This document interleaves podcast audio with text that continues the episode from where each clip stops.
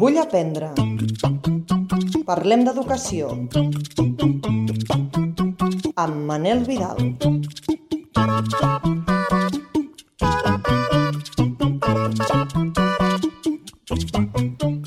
Benvingudes i benvinguts al podcast educatiu Vull aprendre. Un podcast on, sí, parlem d'educació, perquè és la nostra passió. I avui ho fem, a més de com ho hem fet en les dues temporades anteriors, des de Ràdio Celrà. Així que una salutació molt especial per a les persones que ens senten des de la ràdio. Un podcast que entra a la ràdio. Així que si coneixeu a altres ràdios locals que vulguin compartir aquest episodi, que es posin en contacte amb nosaltres i estarem encantadíssims i encantadíssimes de compartir els aprenentatges. Com els que ens porten avui els companys de Laboratori de Jocs. De nou, ens explicaran una experiència d'aprenentatge basat en jocs. I tot seguit sentirem la Titi Joé, que ens farà una d'aquelles meravelloses recomanacions literàries, avui amb sorpresa inclosa. Ja sabeu que ens podeu sentir a qualsevol plataforma de podcasting i a www.vullaprendre.org on trobareu, com conjuntament a les notes del programa, tota la informació i els enllaços del programa d'avui. Va, comencem, que jo vull aprendre. I tu?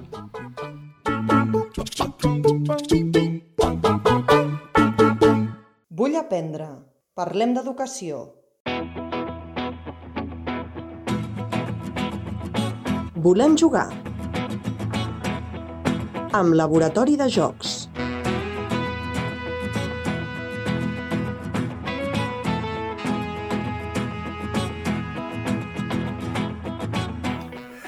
Doncs tercera temporada i segon episodi no podíem tenir ni més ni menys que els nostres companys de Laboratori de Jocs.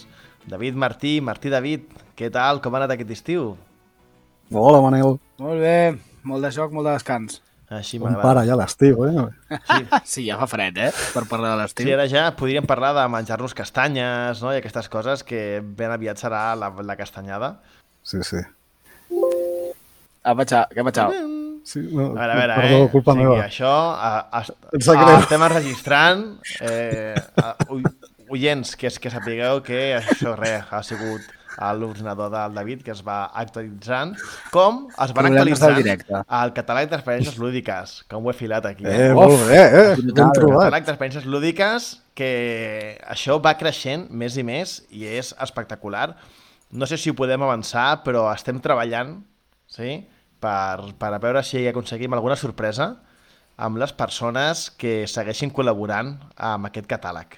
Encara no Sí, sí. podem explicar res, però ben aviat ho sabreu. Si no, a través del podcast, a través de les xarxes socials, que ja sabeu que els podeu trobar com a arroba laboratori jocs o laboratori de jocs depenent de la xarxa social. Sí? Els busqueu i Sí, els sí, trobareu. Segur. I si no, també teniu els enllaços a les notes del programa. Ja va bé generar una miqueta de, de hype, no? Es diu?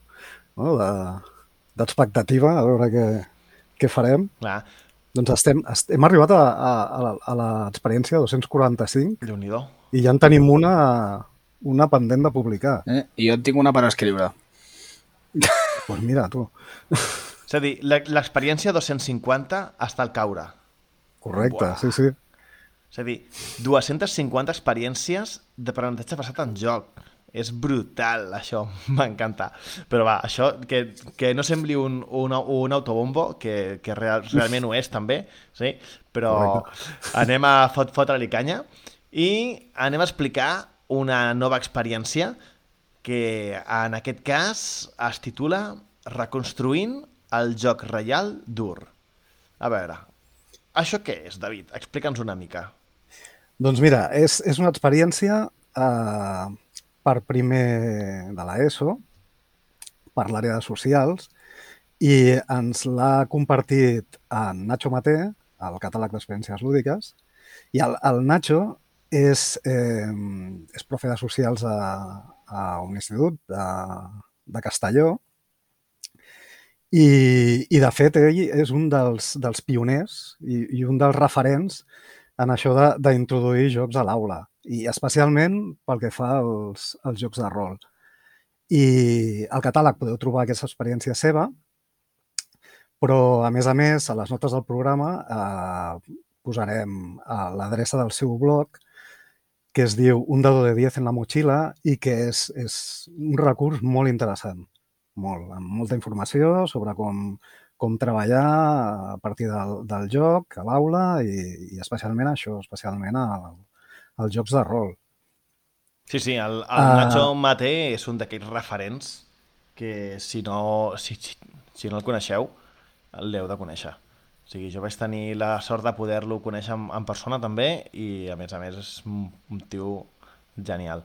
És un d'aquests I- noms que quan et poses en això de la BJ, entre d'altres, no? Et, a, et vol sonar, eh? Perquè el vas sentint a diversos llocs, el vas llegint en diferents Sí, sí, llibres sí. i dius, ep, Sí, sí, ha col·laborat, a més a més, amb, amb alguna experiència, si no recordo malament, en el llibre el recordo d'Educar Educar Jugando.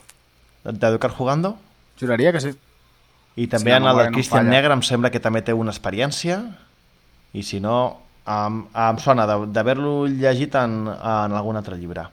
Doncs vinga, va, uh, anem a reconstruir el joc Reial Dur, però abans uh, anem a saber què és això del joc Reial Dur. Doncs mira, el joc Reial Dur és eh, la denominació que reben dos jocs de taula trobats a l'excavació arqueològica de les tombes reials d'Ur, eh, el, el que ara seria el sud de l'actual Iraq, eh, per Sir Leonard Woolley l'any 1926. O sigui, fa gairebé 100 anys. Eh, els jocs daten de la primera dinastia d'Ur, pertanyent a la civilització sumèria, i estan datats al voltant del, del 2600 abans de Crist. Uh, de manera que aquest joc és, és un dels més antics trobats fins ara, juntament amb el, amb el Senet egipci, que potser és més antic. Eh? Uh, com a curiositat així morbosa i tal, el, el Nacho ens explica el, el, el seu blog, no? que a les tombes no només s'hi van trobar les restes dels reis, sinó que també es van trobar les restes de servents i esclaus. No? Potser per, per assegurar-se no, de que el mort tenia amb qui jugar l'altra vida. No? Que això és important, eh? Vull dir, a, a vegades no, penses, els jocs haurien de venir amb temps eh? i amb amics i amigues per poder-lo jugar. La pregunta és, creieu que posaven els rivals bons o els rivals amb els que podien guanyar sempre? Ah, és una gran pregunta, aquesta. Què tal devia ser? Ur. Mm. Li agradava competir o li agradava guanyar? Home, pot, potser una mica de cada, no? Segons el dia tots. que tingui, dic, mira, avui, avui tinc ganes d'apallissar-vos. I, Clar, Porta-li la, contra... Porta que la contrària, avui tu. vull un repte. Vinga. Pensa que és la vida eterna, per tant, eh, tens temps, eh? Vull dir... Clar, però o sigui, David, jo tinc un, una pregunta. Ah, Estem digue'm. parlant de que fan una excavació i troben un, uns jocs, però no troben cap, cap reglament. Com sabem com es juga això? De fet, és això, no, no es coneixen les regles originals, però eh, aquí intervé un, un personatge molt interessant, que és eh, l'Irving Finkel, que és conservador del, del Museu Britànic, que és filòleg i especialista en assiriologia, eh, eh, que va deduir la manera de jugar basant-se en una tauleta cuneïforme d'origen babilònic del 177 abans de Crist. O sigui, a partir de, de, de la traducció d'aquesta tauleta, ell va deduir com es podria arribar a aquest joc.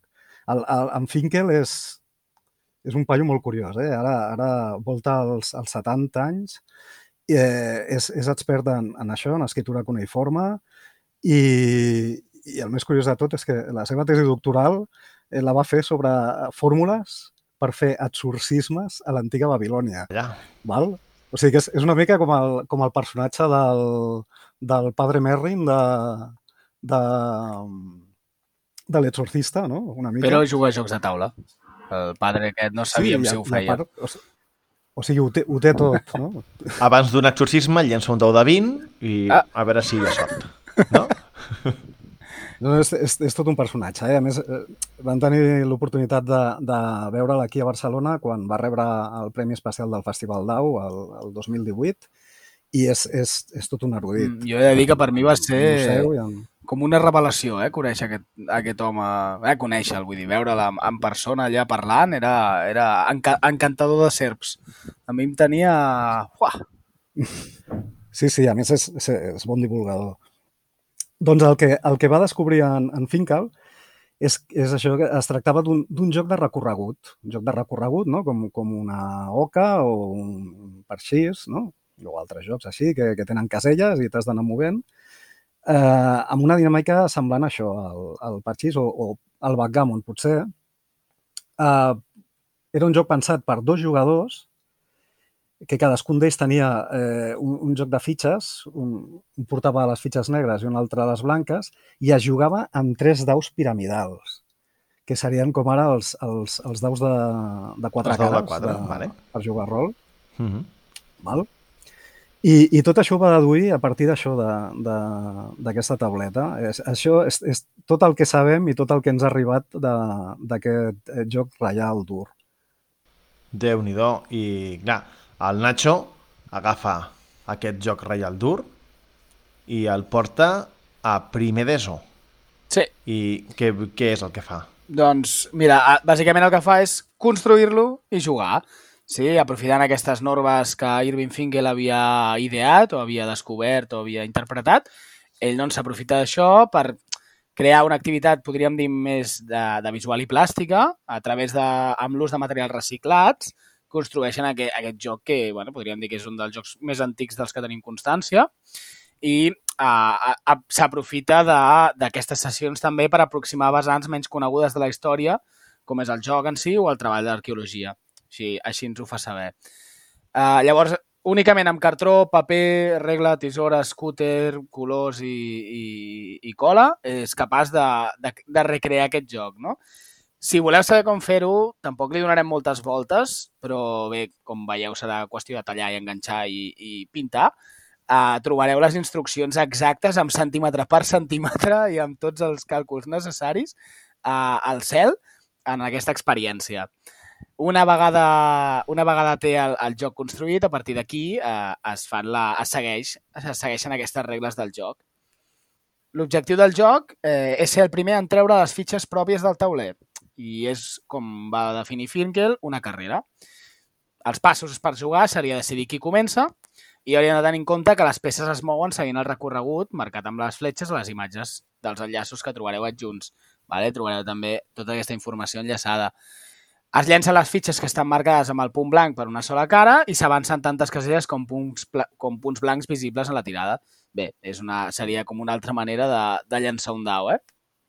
A partir d'aquí hi ha certes normes i certes eh, excepcions, com per exemple que no hi poden haver-hi dos fitxes a la mateixa casella, però sí que pots passar per damunt de qualsevol fitxa pròpia o rival, que les, les, les caselles marcades amb un estel són segures, sí, una mica aquí ens entendríem, ens recordaria una miqueta més el parxís, i doncs, diferents excepcions que us recomanem que si esteu interessats doncs li feu un cop d'ull i així us ho podeu mirar amb més calma. Aquí el que ens interessa també saber és que al final en Nacho el que es proposava i el que ha volgut aconseguir amb aquest treball és aprofundir en el coneixement del treball dels arqueòlegs i historiadors, aprofundir en el coneixement de les primeres civilitzacions, transmetre l'existència de jocs de taula físics i gratuïts que es poden fer amb materials reciclables i, a, i es poden treballar i els, els continguts que podem treballar transversalment, tal com la probabilitat, l'estadística, el disseny visual, etc. Una mica tot això en, en materials reciclats, no? Em recorda una mica els patacons, també, que vam veure en programes anteriors.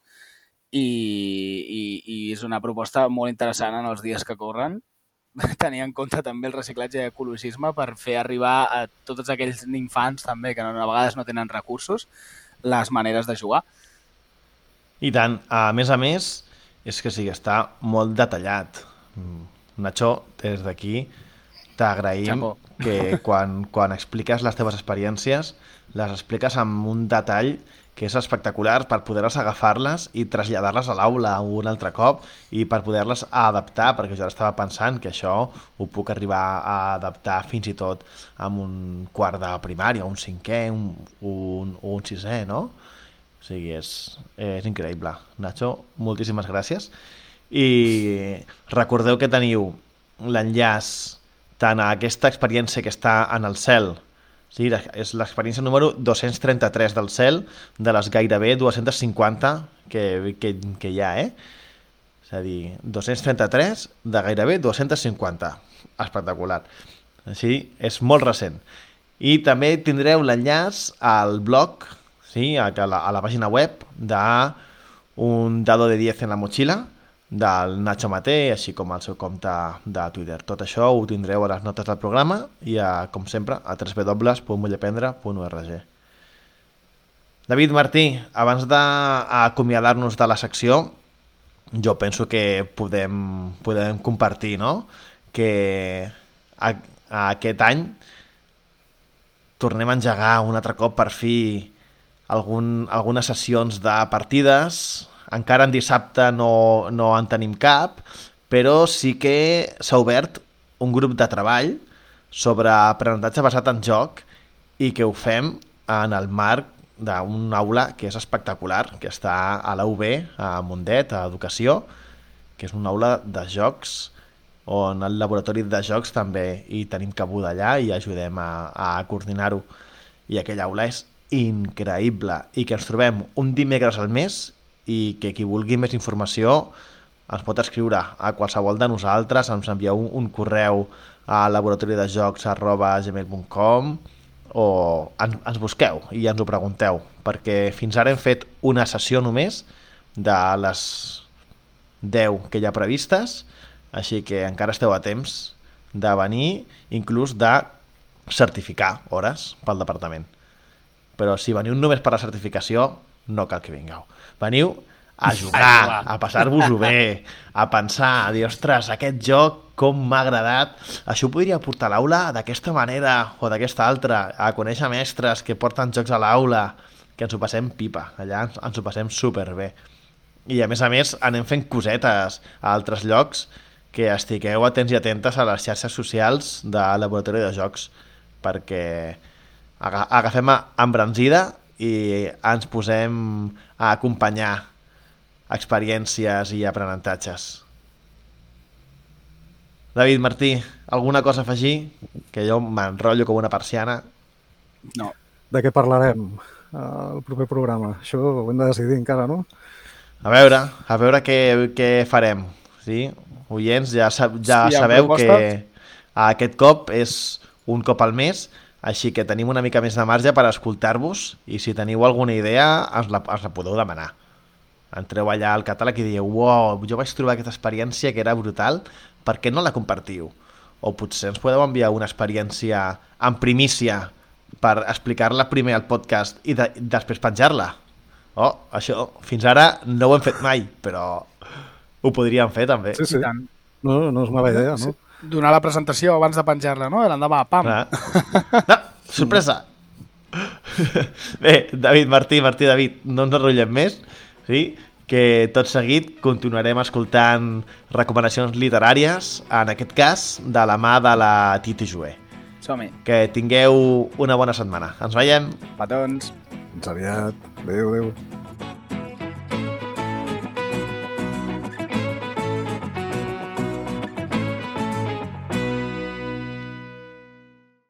Parlem d'educació.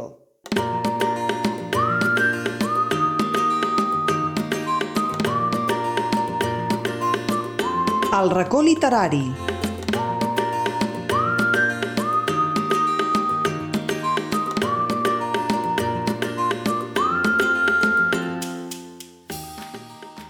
En Lluc és el protagonista i, el, i també el narrador d'aquesta bonica història d'aventures, de coneixement, d'amistat i de somnis que es poden arribar a fer realitat. És una història que justament engega el dia que arriben les vacances i que el mestre Valeri marxa cap al poble de costa on passa l'estiu cada any i tot marxant, doncs li cauen tres llibres. Li cauen o els deixa anar o no ho sabem i que, evidentment, els nens tindran pressa per llegir. Són tres llibres meravellosos, eh? un que va sobre una illa amb un tresor, un altre que parla d'una balena i un altre on surt un pirata amb molta barba, eh? ja ens entenem. I gràcies o per culpa dels quals els nens, capitanejats per aquest lluc, els entren unes ganes boges d'anar a veure el mar que no coneixen perquè els pares sempre els diuen que el mar és massa lluny i que van massa enfeinats per portar-los-hi allò que diuen, oi? Que la literatura doncs, encén els somnis, engega possibilitats, ofereix oportunitats i activa la imaginació, ves per on. Doncs els llibres d'aventures han fet agafar a la colla de nens i nenes de Vila Remota moltes, moltes ganes de saltar-se el permís i la vigilància dels pares, però no la dels avis, eh? Ai, els avis, per construir una bicivela per anar a mar. I arribaran a mar.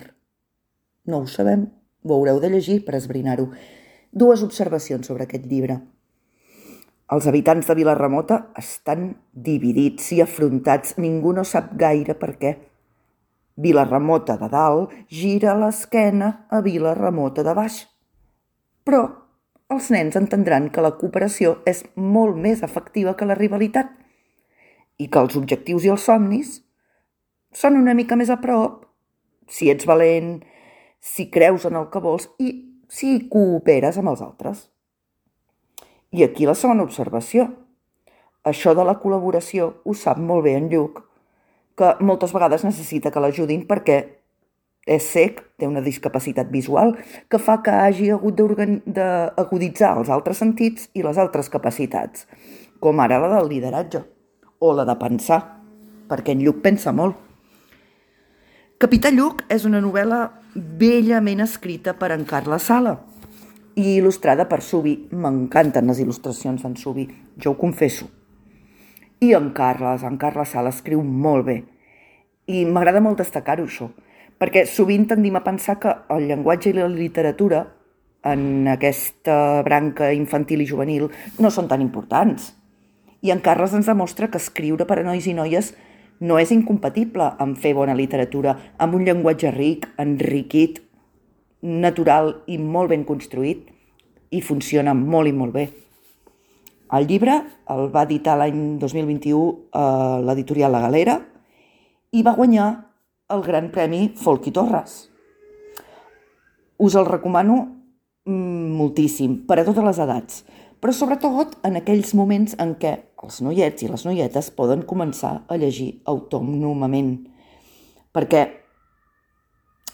ja ho sabem, no tot cal fer-ho sota la mirada protectora i atenta dels pares. Vinga, una abraçada. Us deixo amb un missatge, un missatge d'en Carles. Ja veureu. Hola, sóc en Carles Sala, autor del Capità Lluc i, i envio moltes salutacions a tots els seguidors del Vull Aprendre i bé, si sou aficionats a la lectura, doncs també us animo a llegir el Capità Lluc, si us ve bé. El Capità Lluc és una història d'una colla de nens i nenes, explica la història d'una colla de nens i nenes que viuen molt lluny de l'oceà i que no l'han vist mai, no l'han conegut mai, i un bon dia doncs, decideixen escapar-se de Vila Remota de Dalt, fer uns artefactes amb l'ajuda dels seus avis, i uns artefactes, molt, uns carruatges, i escapar-se per intentar arribar fins al mar, mm, a veure'l o conèixer-lo, perquè en Lluc precisament és sec, per tant no el veurà, però el coneixerà amb altres sentits. Doncs bé, us animo a llegir el llibre si us ve bé, i si llegiu espero que us ho passeu molt bé. Una abraçada molt forta. A reveure.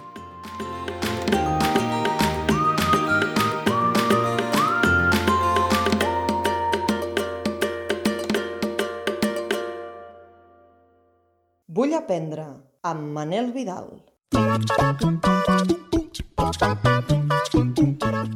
Moltes gràcies, Titi, i moltes gràcies, Carles, per aquesta salutació especial per a les persones oients del programa.